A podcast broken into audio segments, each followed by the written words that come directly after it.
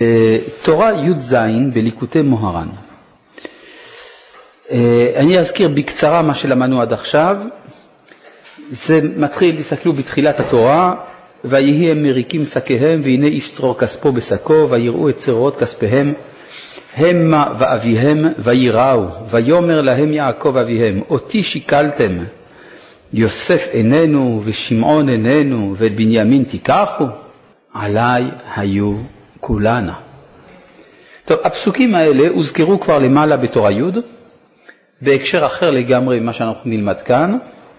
אין שום תקווה שבמסגרת השיעור הערב אנחנו נבין את הפסוקים האלה, משום שההסבר של הפסוקים האלה מופיע בסוף של תורה י"ז, והיא תורה ארוכה מאוד, כך שלא נספיק להגיע עד סופה הערב, כך שהפסוקים האלה בינתיים כתובים ואין לנו הסבר לפסוקים האלה.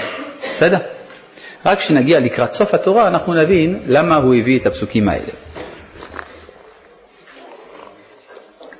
טוב, עכשיו אנחנו עוברים לרעיונות עצמם. פסקה א', כי יראה ואהבה אי אפשר לקבל כי אם על ידי צדיקי הדור, כי הצדיק הדור הוא המגלה היראה והאהבה.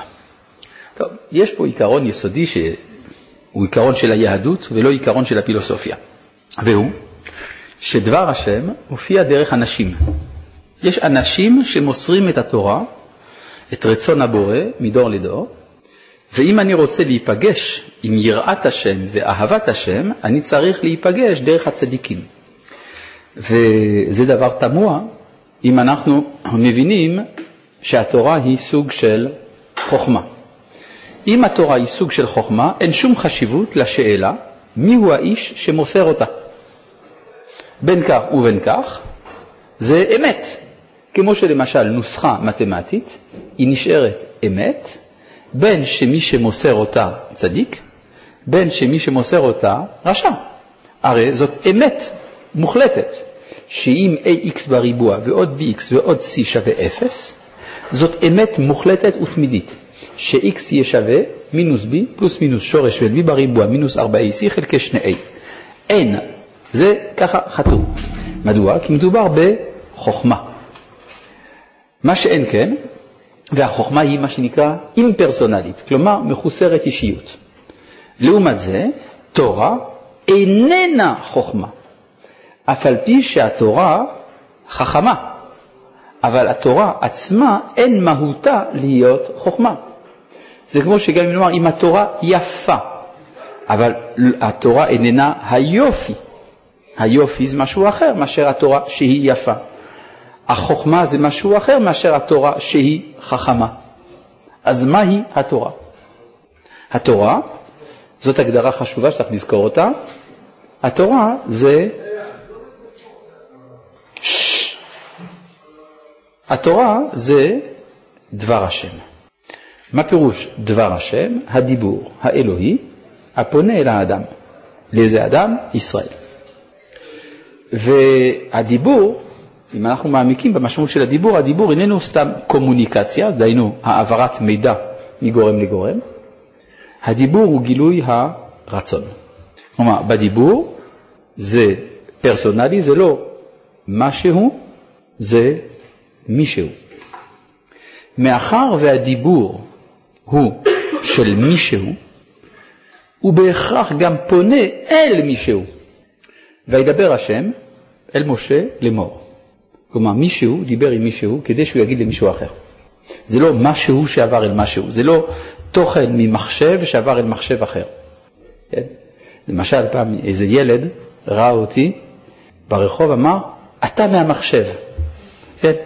אבל זה לא נכון, אני מעצמי. אחר כך אני, העבירו אותי גם במחשב. עכשיו, כן, מכאן גיליתי מה ההורים שלו עושים כשיש להם זמן פנוי. טוב, עכשיו, אה, כן, דבר השם זה פנייה של מישהו אל מישהו.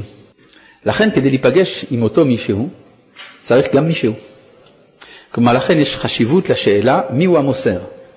משה קיבל תורה מסיני ומסרה לפלוני, לאלמוני וכו'. זאת אומרת, זה לא דווקא אלמוני, זה מישהו.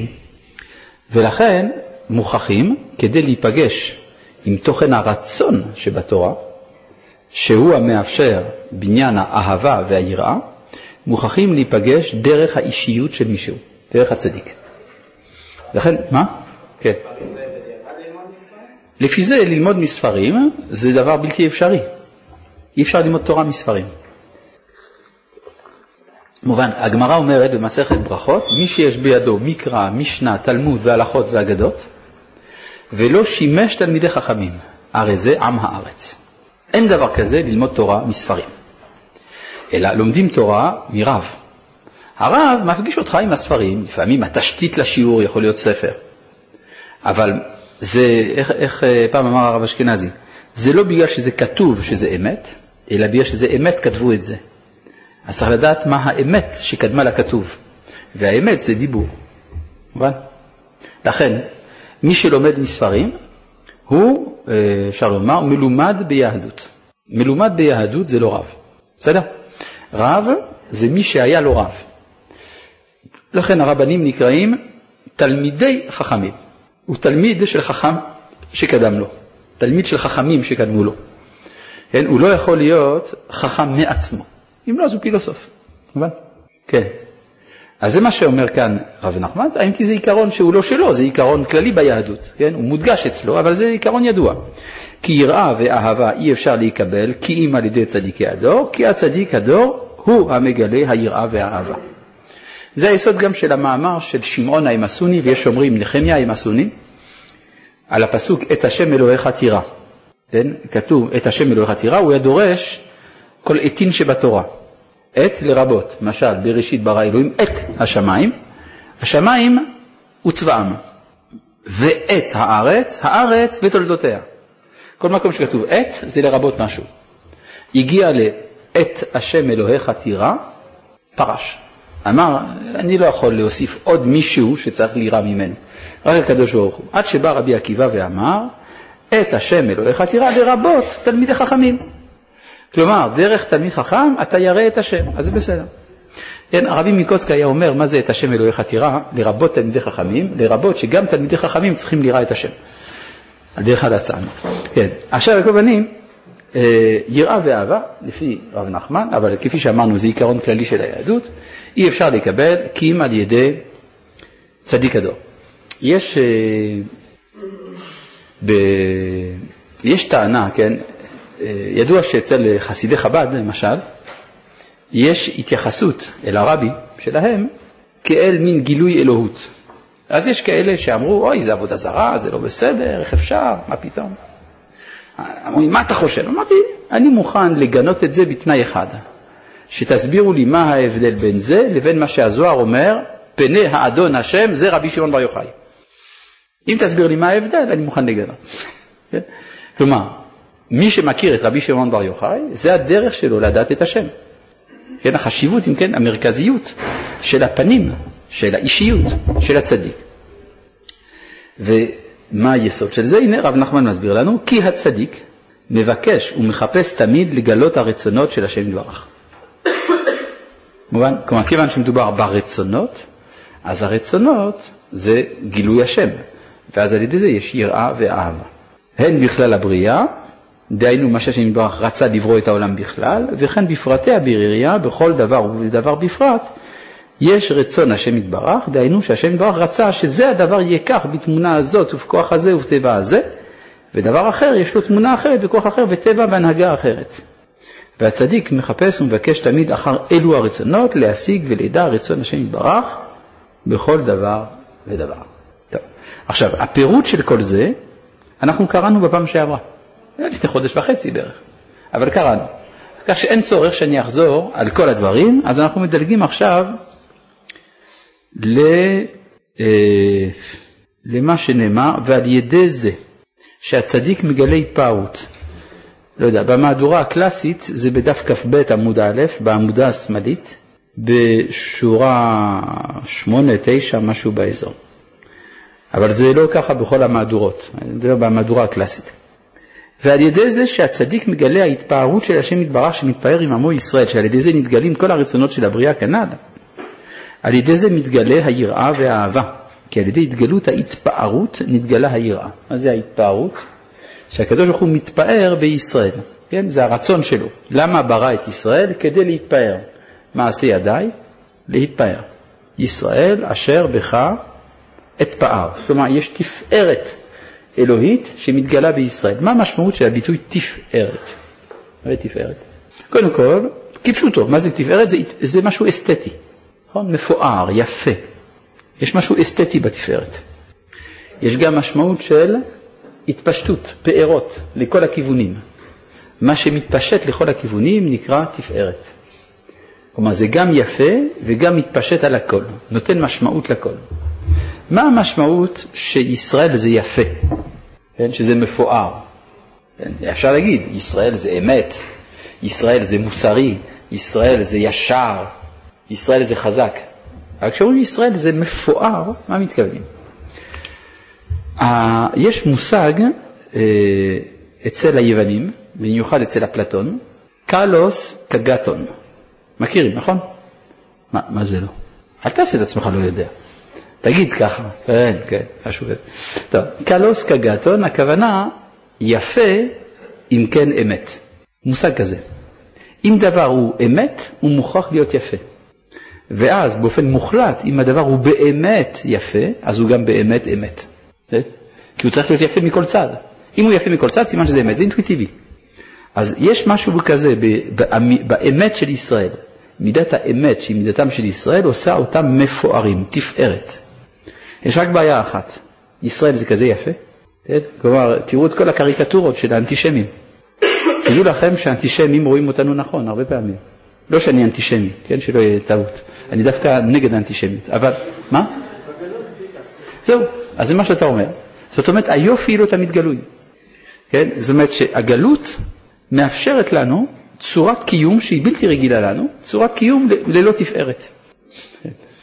לא במקרה, הקמת מדינת ישראל הייתה במידת היסוד שבתפארת דווקא. כן, יום העצמאות, בספירות של, של ספירת העומר, זה יוצא יסוד שבתפארת, חזרה אלינו התפארת. כן, התחלה של חזרת התפארת אלינו, זה יסוד.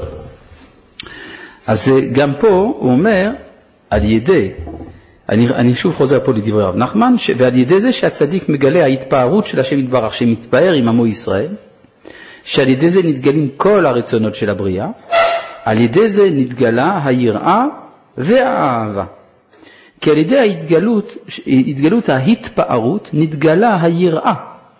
וכמו שעל ידי התגלות ההתפארות של ישראל שמתפארים עמו יתברך, על ידי זה נופל יראה. כן, אנשים רואים את התפארת של עם ישראל, זה גורם יראה. מה זה יראה? לא פחד. אלא הכוונה, מרגישים, חשים את העוצמה שיש בנשמת ישראל, ואז זה יוצר איזה מין רתיעה. ולכן יש גם אפשרות של עבודה זרה, שעובדים עבודה זרה לישראל, שזה היסוד של הנצרות, שהם לקחו את נשמת ישראל, שראו אותה בכל עוצמתה, והתחילו לעשות ממנה עבודה זרה. כן, אז גם פה, בצד הקדוש דווקא, כי ההתפארות של ישראל הוא בחינת תפילין, שנקרא, שנקראים פאר. כן, הגמרא אומרת שהביטוי פאר בספר יחזקאל, פירושו תפילין. פארך חבוש עליך. אז פארך חבוש עליך, הכוונה שאתה מניח תפילין, ועל ידם נתגלה יראה. כן, מה זאת אומרת שאגב שהתפילין הם פאר? הם פאר. הפאר זה דבר שבא, שהוא תוספת, כן? כלומר דבר מפואר. אפשר, אה, אני יודע, אה, כלי, לא מפואר, אבל הוא ממלא את הפונקציה שלו. מה עושה את הכלי למפואר? כל מיני קשקושים ודאווינים ופשפשים שהוסיפו לו, נכון? זה מה שעושה אותו למפואר. זאת אומרת שגם התפילין הם תוספת על האדם. הרי האדם לא נולד עם תפילין על הראש. נכון? ילדים, אני ראיתי תמונות של ילדים שעכשיו נולדו, וראיתי שאין להם תפילין על הראש. ראית, נכון? ראית, נכון? ראית, ראית? אין להם תפילין על הראש. אז התפילין זה תוספת. התוספת היא תפארת, כמו שהקרניים בבהמה הם תפארת לבהמה, או הכתר על ראשו של המלך, תפארת למלך. כן, בבקשה, אדוני.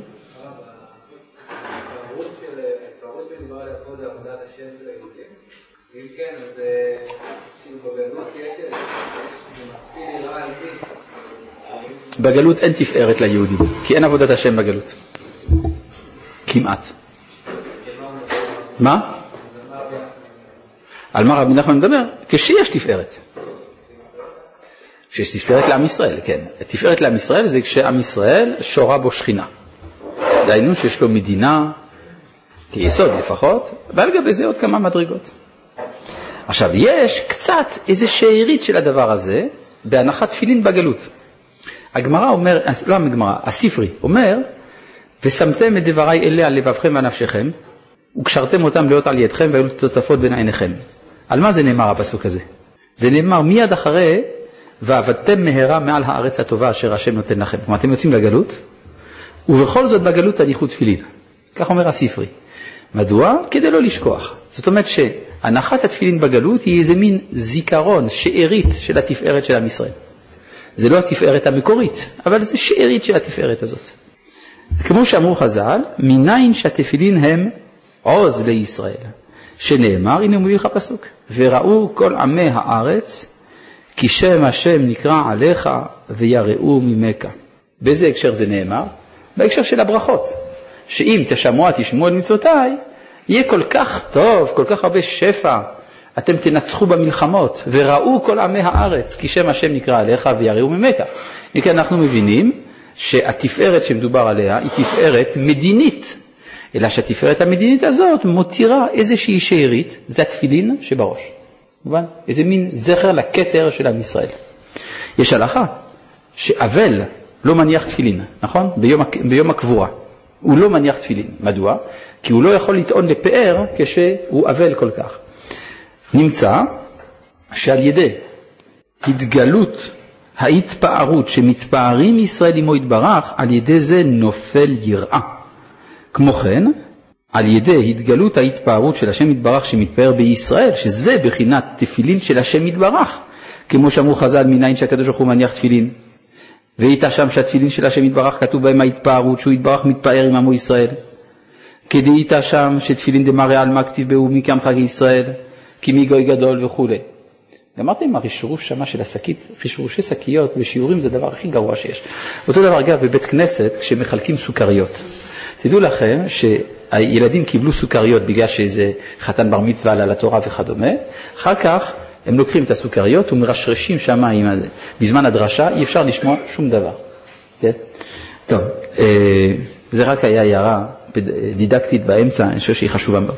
עכשיו, אז אומר, אז כמו מצאנו בגמרא שיש גם תפילין שהקדוש ברוך הוא כביכול מניח, שזה ההתפארות שיש לו מעם ישראל. כמו שאנחנו מתפארים בו, הוא מתפאר בנו. על ידי ההתפארות הזאת מתגלה היראה של השם יתברך, דהיינו ליראה מלפניו יתברך.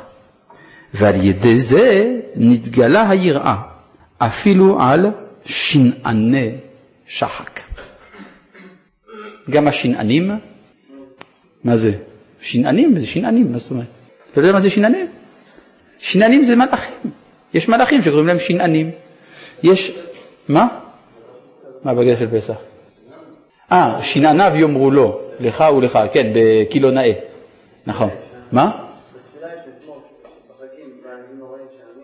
כן, זה של רבי שלמה בן גבירול, אצל הספרדים, כן, שנענים, כן, אה, וכולי. זה לפני, זה מודפס לפני השתבח, אחרי השתבח של, אה, של, של יום הכיפורים.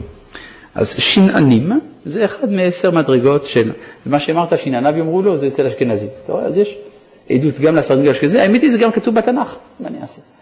כן? עכשיו, שנענים יש שם כזה של, יש בעשר מדרגות המלאכים, אחת מהם שנענים. אז מה? מה שיננה?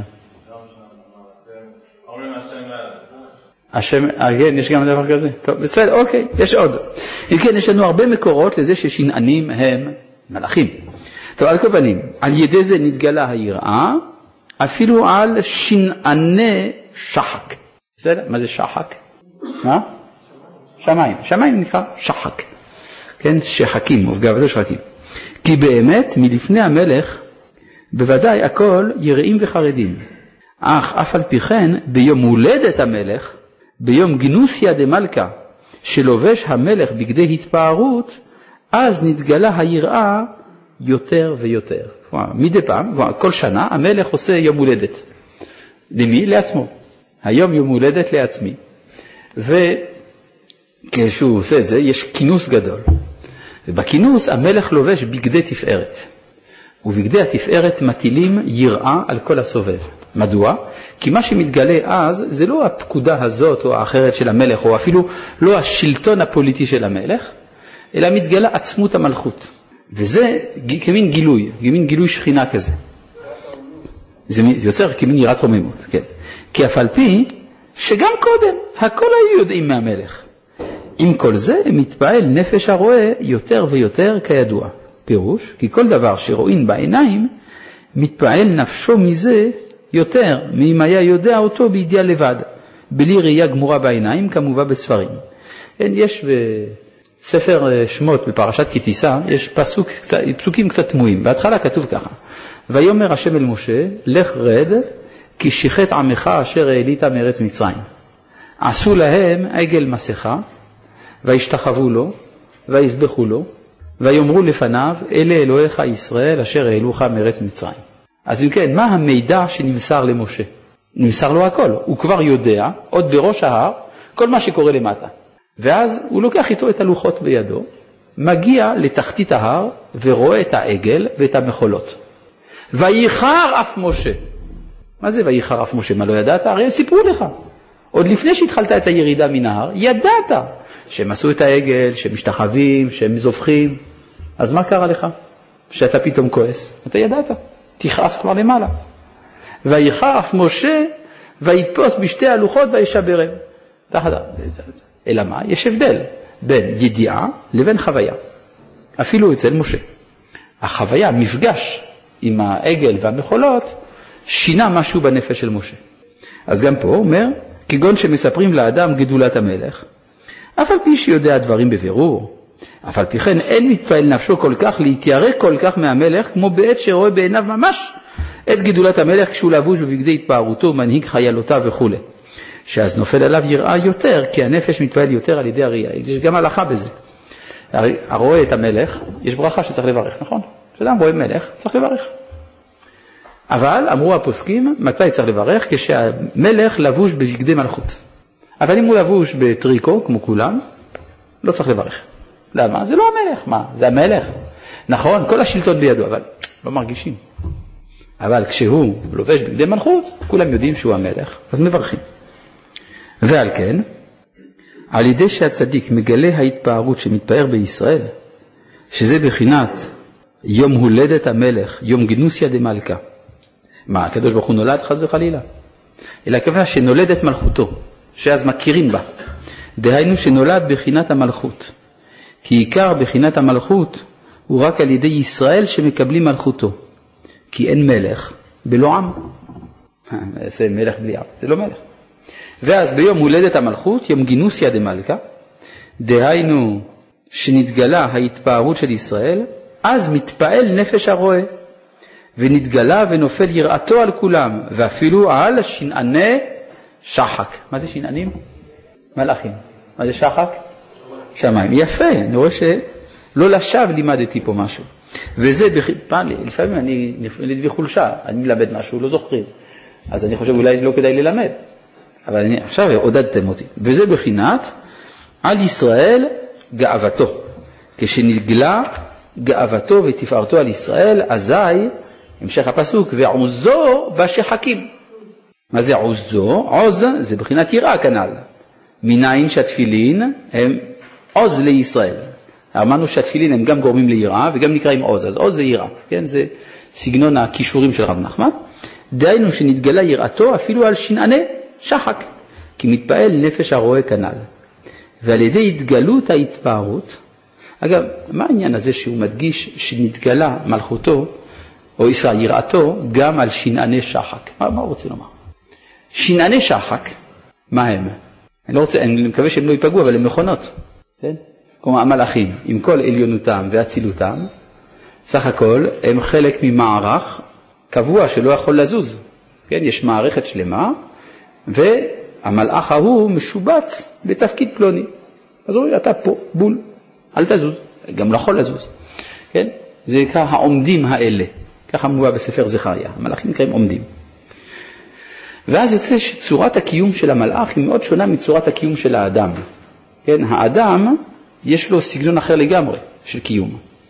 יש לו בחירה חופשית, מה שאין למלאכים.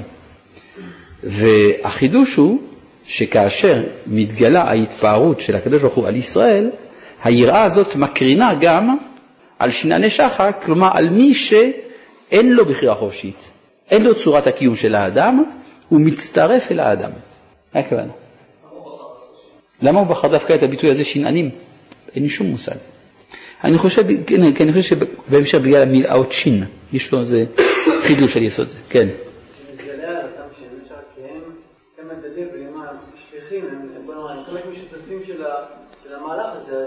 כן, כן, אבל זה מקרין כאור חוזר, זאת אומרת, כן, זה כמו שאנחנו אומרים בקדושה, שבהתחלה יש אה, הנוסח הנמוך של הקדושה, זה נקדש את שמך בעולם או בעולמך כשם שמקדישים אותו בשמי מרום.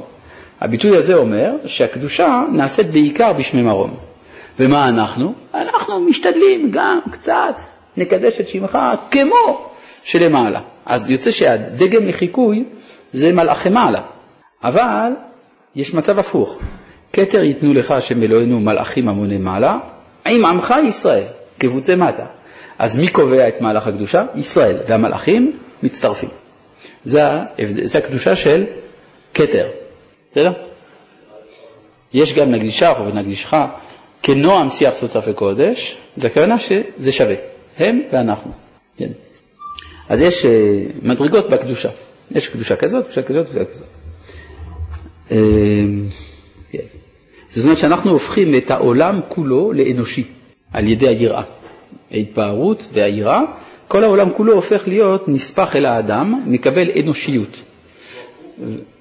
מה?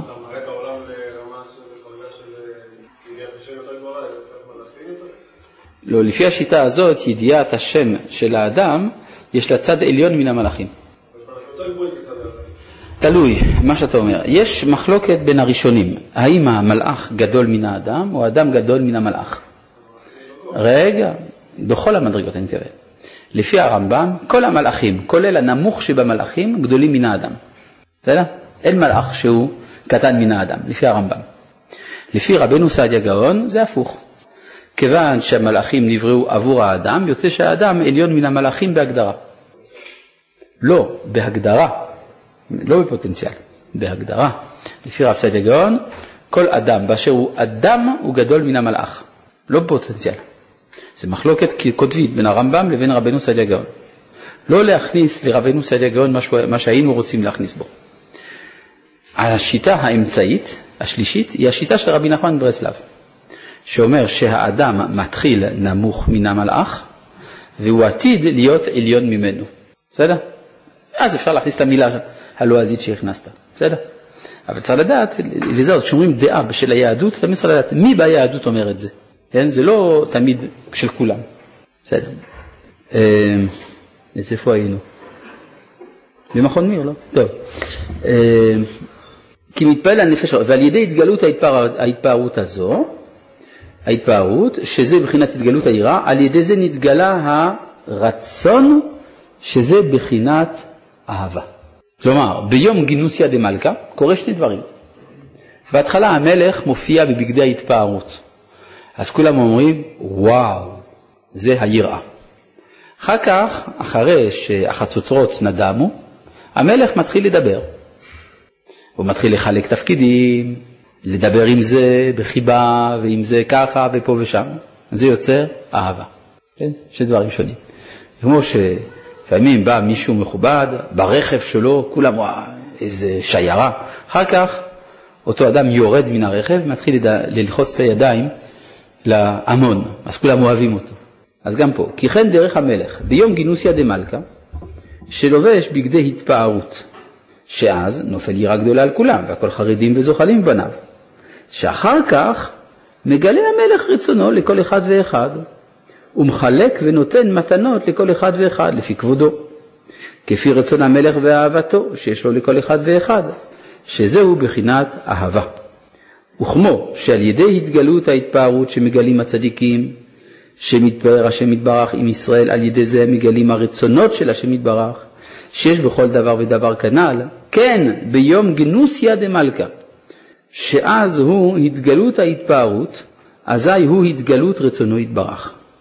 כי אחר כך הוא מגלה רצונו לכל אחד ואחד, ונותן להם מתנות, ומרומם קרנם לכל אחד ואחד כפי רצונו, כנ"ל.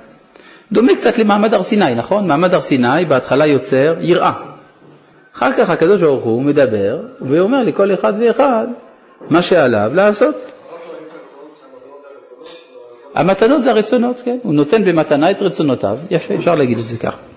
וזה בחינת התגלות האהבה, כי מתחילה בעת התגלות ההתפארות, נפל פחדו ויראתו על כולם. לכל אחד ואחד מעבדיו. אז מה שהוא נותן, לזה הוא נותן ככה, לזה הוא נותן ככה. כל אחד הוא מגלה לו. הרי זה מה שכתוב, כל השם בכוח. מה זה בכוח? חז"ל אמרו, לפי כוחו של כל אחד ואחד.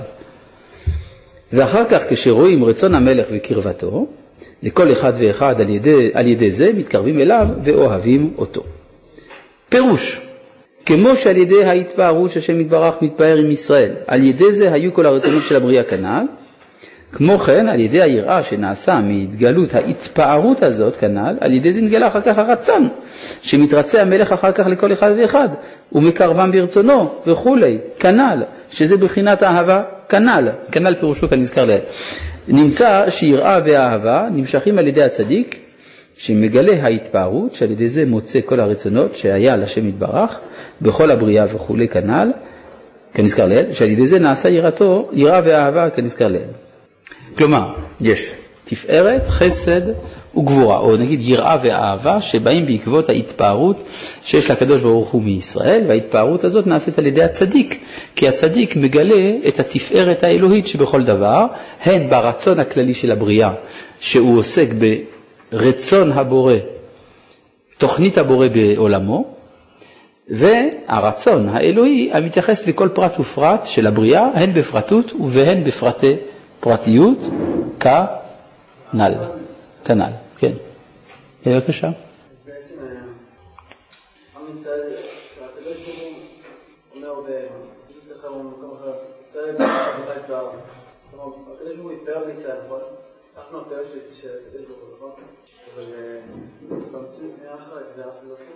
אתה שואל, אני, קצת קשה לי להבין מדוע אתה חוזר על השאלה ששאלתי מקודם. השאלה ששאלתי מקודם, ואתה בעצמך אפילו ענית, הייתה איך אפשר להגיד שעם ישראל זה כזה יפה וזה כזאת התפארות, הרי תראו את המציאות. האם במציאות עם ישראל כזה יפה? עיינו בכל הקריקטורות של האנטישמים, לא שאני חס וחלילה אנטישמי, אפילו אם אני נגד האנטישמיות. כן? אני באמת רוצה שיבינו שאני באמת נגד האנטישמיות, אבל בכל זאת, מהו היסוד לאפשרות לחשוב שעם ישראל כזה מכוער? אלא מאחד התלמידים ענה פה, בגלות, מה זאת אומרת? זה נמצא בגלות. אז מה הוא מסביר? שבגלות יש איזה שארית של התפארת האלוהית, דהיינו התפילין. שהתפילין, כמו שכתוב בפרשת קריאת שמע, קריאה שנייה של קריאת שמע, ועבדתם מהרה מעל הארץ הטובה אשר השם נותן לכם, ושמתם את דברי על לבכם ועל נפשכם וקשרתם אותם והיו לזוטפות. שרש"י מביא בשם הספרי שצריך להניח תפילין למרות הגלות, כדי לא לשכוח. משמע אם כן שהתפילין הם שארית של התפארת של עם ישראל במצב המתוקן. אז עכשיו שאמרתי את זה, אני שואל למה אתה שואל את זה שוב, הרי הסברנו את זה מקודם, סימן שיש לך כוונה יותר עמוקה בשאלה. לא? אה, טוב, בסדר. הלאה. מה? כן.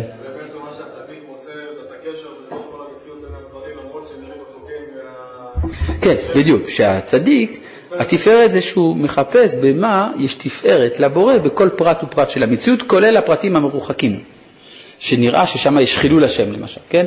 יש uh, ירושלמי שאומר את זה, גדול קידוש השם מחילול השם. וכי לא ידענו, כלומר זה, מין, זה משהו טריוויאלי לחלוטין, גדול קידוש השם מחילול השם. גם בלי הירושלמי אני יודע את זה. אלא מסביר הרב ציודה קוק, ויש לזה יסוד גם במפרשים של ירושלמי, גדול קידוש השם שבא מחילול השם. כלומר, זה אתה, אתה רואה חילול השם, אתה מה נעשה עם זה? יש שם קידוש השם, זה יותר גדול. בסדר. וזה בחינת כי תפארת עוזמו אתה. כן, הסברנו שעוז זה ביטוי נרדף ליראה. תפארת עוזמו אתה. וברצונך תרום קרננו. מה זה ברצונך? זה כבר מידת האהבה. כן, אמרנו, היראה זה בגילוי התפארת. אחרי שהמלך יושב ביום גנוסיה דמלכה ומגלה את רצונותיו, נעשית אהבה. אז זה המשמעות, כי תפארת, גילוי התפארת, עוזמו, אתה, גורם ליראה, וברצונך, כשאתה מגלה רצונך ביום גינוסיה דמלכה, תרום קרננו זה אהבה. מובן? או השופר, או קרן, סתם זה פרסום. אנחנו אומרים את זה לפני תקיעת שופר, נכון. או אחרי, תקיעת שופר. כן. אחרי תקיעת שופר אומרים כי תפארת אור. נכון. אשרי העם יודע את אירוע, זה אחרי תקיעת שופר. נכון, בדיוק, בדיוק. כי עוז הוא בחינת יראה כנ"ל. ואז, ואזי ברצונך תרום קרננו, כי מגלה רצונו ומרומם קרנם של כל אחד ואחד כנ"ל, שעל ידי זה התגלות האהבה, כנזכר לעיל. נמצא שהצדיק מגלה היראה והאהבה. כל זה בעצם ביאור של העיקרון שהוא אמר בתחילת התורה. את שיראה ואהבה על ידי הצדיק. עד כאן ברור? יש שאלות עד כאן? טוב, אז בואו נמשיך. בעיה שלכם שלא שאלתם שאלות, כי עכשיו זה יסתבך. טוב. וכשנחשך אצל אחד היראה והאהבה, בבחינת אלביש שמיים כדרות ושק אסים כסותם. כן, יש מצב שהשמיים של האדם הם שמיים קודרים. לכולם השמיים מאירים, והוא אומר שהשמיים קודרים. קורה. כן? יש uh, מי שאמר פעם שגם לענן השחור שבשחורים יש זר זהב סביב. כן? תסתכלו על ענן שחור. תסתכלו בקצה של הענן, רואים איזה זהב כזה. כן? זאת אומרת שגם בתוך הכדרות יש התגלות. אז מה שאומר כאן, כשנחשך אצל אחד, היראה והאהבה, בבחינת על בי שמיים כדרות ושק אסים כסותם. שמיים, מה זה שמיים? זה בבחינת אש ומים. מי אומר את זה? רש"י, כן? שמיים, אומר רש"י, אש ומים. היינו יראה ואהבה. יראה זה אש, אהבה זה מים. אז נתלבש... מה? כי זה הפך מהאש.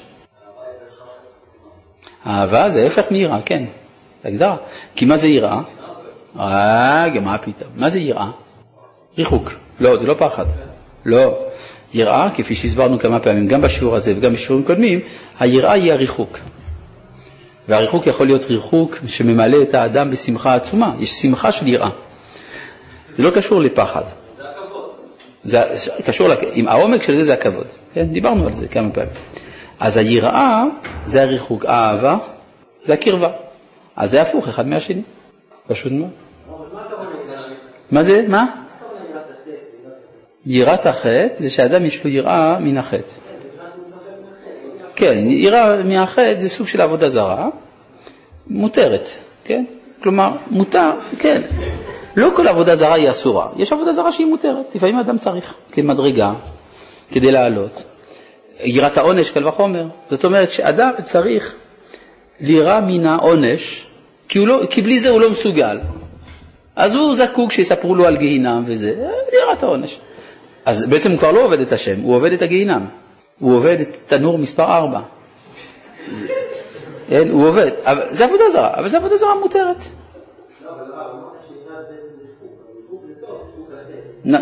הריחוק, יראת חטא במובן הפנימי של המילה, זה משהו נפלא, שאדם מתרחק מן החטא מרוב האהבה. ודאי, זה כבר לא עבודה זרה, ברור. אבל היראה שאדם לא רוצה להיות בעבירה, כן? שולחן ערוך אמר אסור, מאוד לא נעים לעשות הפוך מהשולחן ערוך. אז למי אתה עובד? לקדוש ברוך הוא או לשולחן ערוך? כן? זה השאלה. כן, בבקשה. יראה מתלמידי חכמים, זה גם אותו דבר. יש יראה מתלמידי חכמים שאדם מפחד, מה יעשה לי התלמיד חכם אם הוא יראה אותי חוטא? ויש, מה יעשה, כלומר, יש לי יראת התלמיד חכם, כי אני רואה בו את השם, משהו אחר. כן? איך אומרים? הפחד הגדול ביותר שיש לחסיד כשהוא חוטא, זה מה יעשה, מה יקרה אם הקדוש ברוך הוא יספר את זה לרבה. כן. כן.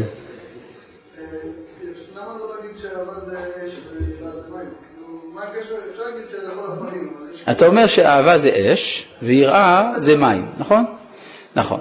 כתוב במפורש, כן? עזה כמוות אהבה, קשה כשול קינה, רשפיה רשפה אש, שלהבת יה. אז תגיד שאש זה אהבה ויראה זה מים, אין לי בעיה, רק שזה הפוך ממה שהוא אומר גם. אנחנו הרי משתמשים פה במשלים. אנחנו לא תקועים בשום דבר. כמו שלמשל חז"ל אמרו, חז"ל אמרו אין מים אלא תורה. זה שני אמרו אין מים אלא אומות העולם. אין מים אלא אהבה. אין מים אלא יראה. תגיד מה שאתה רוצה. לא, אין בעיה, אני שואל מה הקשר לעצמי, אם אני אומר שמים זה יראה או מים זה אש, תבין מה הקשר לעצמי ביניהם. לא ממש, יש קשר בין השנים. מדוע חז"ל אמרו שיראה זה אש? כי מאש אני מתרחק. למים אני מתקרב, אני רוצה לשתות. זה ההבדל. למה קראו לאש אהבה? למה קראו לאש אהבה? כשהיא קשה. בסדר? זה בוער. בסדר? טוב. אז אה, בואו נחזור לדברים. וכשנחשך אצל אחד היראה והאהבה, בבחינת תלביש שמיים כדרות ושק אשים כסותם, שמיים זה בבחינת אש ומים. היינו יראה ואהבה. נתלבשים בכדרות ונחשכים ונתכסים בשק. דהיינו שנחשך אצלו היראה והאהבה, זה מחמת שנחשך אצלו אור הצדיק שממנו מקבלים יראה ואהבה כנ"ל. כי לפעמים יש שנחשך אצל אחד אור הצדיק, ואינו זוכה להבין ולראות אורו הגדול. ואף שהוא אצל הצדיק, הוא מבקר, הוא רואה את הצדיק, וזה לא עושה לו כלום, שום דבר. נאדה, ריק, קרש. אינו יכול לטעום ולהבין ולראות אורו הגדול של הצדיק, שעל ידו יוכל לבוא לתכלית הטוב. כן, יש גמרא שאומרת על אנשי מחוזה שהם אבירי לב. מה זה אבירי לב? אנשים קשים. למה הם קשים? שרואים את כבוד שמיים פעמיים בשנה ואינם מתגיירים. כן, אפילו התוספות שמה מביא בשם הגאונים, שיש מסורת. מה זה פעמיים בשנה שהיה במחוזה? במחוזה היה מה שנקרא ירחי כלה. ירחי כלה בחודש אדר ובחודש אלול היו עושים שיעורים גדולים שהיו מיועדים לא רק לבני הישיבה, אלא הם היו מיועדים לכל הציבור כולו, והיו באים אלפים רבים, רבבות של יהודים, היו מגיעים למחוזה כדי לשמוע את השיעורים של רבני הישיבה, זה היה אביי ורבא, בכל זאת, גדולי ישראל.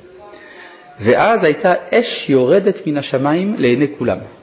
אז אם כן, אנשי מחוזה, הגויים, היו רואים את זה, כבוד שמיים פעמיים בשנה, ואינם מתגיירים, אם כן הם אבירי לב. כלומר, יש אפשרות לראות גילוי שכינה, להיות נוכח בגילוי שכינה, ולא לשים לב. יש תפילה שאנחנו אומרים שלוש פעמים ביום, ותחזינה עינינו בשובך לציון. לכאורה זה מאוד מוזר, וכי עלה בדעתך שדווקא בזמן שיבת השכינה לישראל כולם יהיו עיוורים, שצריך להתפלל שתחזינה עינינו? אלא הכוונה שכשאתה שב לציון, יש סכנה שאתה לא תראה. כמו שאני לא אראה שהשם שב לציון. לכן אני מתפלל שיהיו עיניים ושיהיו לי שיהיו לי עיניים לראות שהשם שב. ותחזינה עינינו בשובך לציון. אז גם פה, כי לפעמים יש שנחשך אצל אחד אור הצדיק ואינו זוכה להבין ולראות אורו הגדול. ואף שהוא אצל הצדיק, אינו יכול לטעום ולהבין ולראות אורו הגדול של הצדיק שעל ידו יוכל לבוא לתכלית הטוב. וכמו שמצינו גבי עפרון, שמקום מערת המכפלה שהוא שער גן העדן, שדרך שם עולים כל הנשמות ואורו גדול מאוד, אף על פי כן אצלו היה מקום חושך ואפלה. היה לו סתם איזה מערה, הוא לא ידע מה עושים עם מערה כזאת. מערה זה חשוך, מערה זה רטוב. מה עושים עם מערות? ועל כן מחרו בשמחה רבה לאברהם. כמובן בזוהר חיי שרה דף קכ"ח. וכמו כן, כשנחשך אור הצדיק, שהוא מאיר בכל העולמות, מכל שכן בעולם הזה, ואף על פי כן אצלו, אצל אותו אדם, אינו מאיר כלל. אדרבה, הוא חושך אצלו. אז מה גרם שהאדם איננו יכול לקלוט את האור של הצדיק, האור המוקרן מן הצדיק, האהבה והיראה שהצדיק מקרין? זה מחמת עכירת המעשים וכסילות השכל. כלומר, יש שני גורמים שמביאים לזה. המצב של הכדרות, מעשים עכורים, או מעשים שמעכירים את הנפש, וגם שהשכל כסילי, שעל ידי מעשים רעים נתחשך שכלו בכסילות. מה זה כסילות? דהיינו דעות נפסדות וחוכמות נוכריות. כמו שכתוב, חכמים המה להרע ולהיטיב לא ידעו, כי על ידי מעשיהם הרעים אינם יכולים להשתמש כלל בשכלם להיטיב, כי אם להרע. ועל ידי כסילות השכל, על ידי זה אינו יכול לראות ולהבין אור הצדיק. יש לו קושיות רציונליות ופה ושם וקשקושים, ואז הוא איננו יכול להיות מוקרן מן האור של הצדיק. עד כאן אות ב', זה ברור? אם זה ברור, נמשיך. כן. האם זה יכול לבוא מצד הצדיק הכדרות הזאת? לפעמים כן. כלומר שהצדיק בעצמו ממעיט את אורו. יש דבר כזה. יש דבר כזה. יש uh, מצבים מיוחדים, למשל משה רבנו, כשהוא ירד מן ההר, אחרי מעשה העגל, אז הוא יושב 40 יום ו-40 לילה בתחתית ההר כדי להתפלל. באותו זמן כתוב ואתנפל. ואתנפל כמו שמשה הפיל את עצמו. אז יוצא שבאותה שעה שראו את משה מתנפל, מעלתו נחשכה גם בעיני הציבור. כתוב שם, והביטו אחרי משה. שהיו מסתכלים וחושדים אותו בכל מיני עבירות וכו', יש מצב כזה. כן. כן, ודאי. כלומר, לכן, גם כשמשה ואהרון נופלים על פניהם, כתוב, לא קידשתם אותי. כן, יש כאלה, בין מפרשי התורה, יש כאלה שאומרים שהחטא של משה ואהרון בימי מריבה זה שהם נפלו על פניהם. אז לכן יש גם החשכה של אור הצדיק. אבל פה הרב מדבר, הרמב, המוהר"ן, רבי נחמן ברסלב, מדבר לא על ההחשכה שבאה מצד הצדיק, אלא על ההחשכה שבאה מצד המושפע, שהוא חסם את האפשרות לקלוט את אור הצדיק בגלל מעשים רעים וכסילות השכל. כשזה מתחיל מן המעשים הרעים וזה מביא לכסילות השכל, דהיינו דעות נפסדות וחוכמות חיצוניות, ואז הוא לא יכול לקלוט את דברי הצדיק, את האהבה והיראה שהצדיק משפיע. והתיקון לזה, אז מה עושים? צריך לתקן, מה? אה? מה? אה? דעות נוכריות זה גם פילוסופיה, כן? כל דעה שהיא באה מבחוץ. מה? צריך להתרחק, כן, לפי רב נחמן, אין מה לעשות. יש, אה, בזמן הגלות, אין אפשרות, כלומר, יש סכנה גדולה בדעות שבאות מבחוץ, בזמן הגלות. כי בזמן הגלות אנחנו במלחמת קיום, אין לנו עמידה משלנו. אז סוגרים את המדפים, אומרים שום דבר לא יחדור פה. למרות שאולי יש צדדים חיובים שם. אבל הסכנה שיש במעורבות בעולמם של הגויים היא כל כך גדולה, שאנחנו מעדיפים לסתום את הכל. זה נקרא דעות נוכריות. כן, לא אמרנו על יחידי סגולה, אבל האומה, כי אומה היא נשמרת מזה. כן, מה שאין כן בזמן הגאולה, הרב קוק מסביר, בזמן הגאולה ההפך, אדרבה. וינקת חלף גויים ושוד מלכים תינקי, יש הרבה מה לקבל מהגויים, דווקא בזמן הגאולה. כלומר, יש איזו מין מחשבה כזאת, שככל שעם ישראל מתעלה הוא פחות מזדקק לגויים. אבל הרב קוק אומר הפוך, ככל שעם ישראל מתעלה הוא זקוק יותר לגויים. כי אז הוא יכול יותר להקרין גם מה שיש לו להקרין, אז הוא יכול גם לקבל מבחוץ. כן. מה? איפה עם ישראל עומד כרגע? הוא באמצע. הוא ודאי כבר לא בגלות, הוא גם לא בגאולה שלמה, אז אנחנו בדרך. זה הולך ומתפשט, כן? הרב קוק אומר באורות שההתגלות הזאת, ההתרחבות של התחום של הקדושה, הוא כפי מידת ישועתן של ישראל, שהולכת ואורה קמעה קמעה. כלומר, זה משהו הדרגתי. אנחנו במצב שיש יותר תחומים שעד עכשיו היו מחוץ לקודש, שהפכו להיות זירת כיבוש של הקודש. ולא כל התחומים עדיין התקדשו, אבל יש תחומים שכבר התקדשו. למשל האסתטיקה, כן? שזה פעם היה רחוק מאוד. הצבא, הכלכלה, המדיניות, הרבה הרבה הרבה מאוד תחומים. אפילו איכות הסביבה, התחילו לדבר בט"ו בשבט הזה השנה, שט"ו בשבט זה חג איכות הסביבה. לא, אני לא בדיוק קונה את זה, אבל זה גם אומר איזה רצון להכליל את הממד הזה בתוך הקודש. מה? חקלאות, ודאי. כן.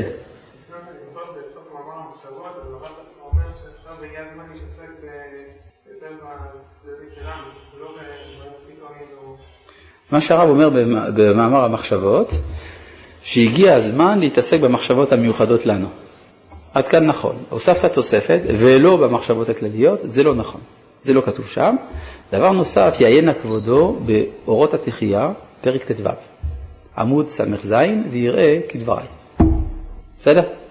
בניגוד למגמות שהיו לרב קוק בצעירותו אגב. כשהרב היה צעיר, אז הוא כתב, שכ... הוא כתב כפי העמדה שדחיתי, שככל שעם ישראל יותר יתעלה בגאולה, אז הוא פחות יזדקק אל התרבות של אומות העולם. אבל זה הוא אמר בעינייה.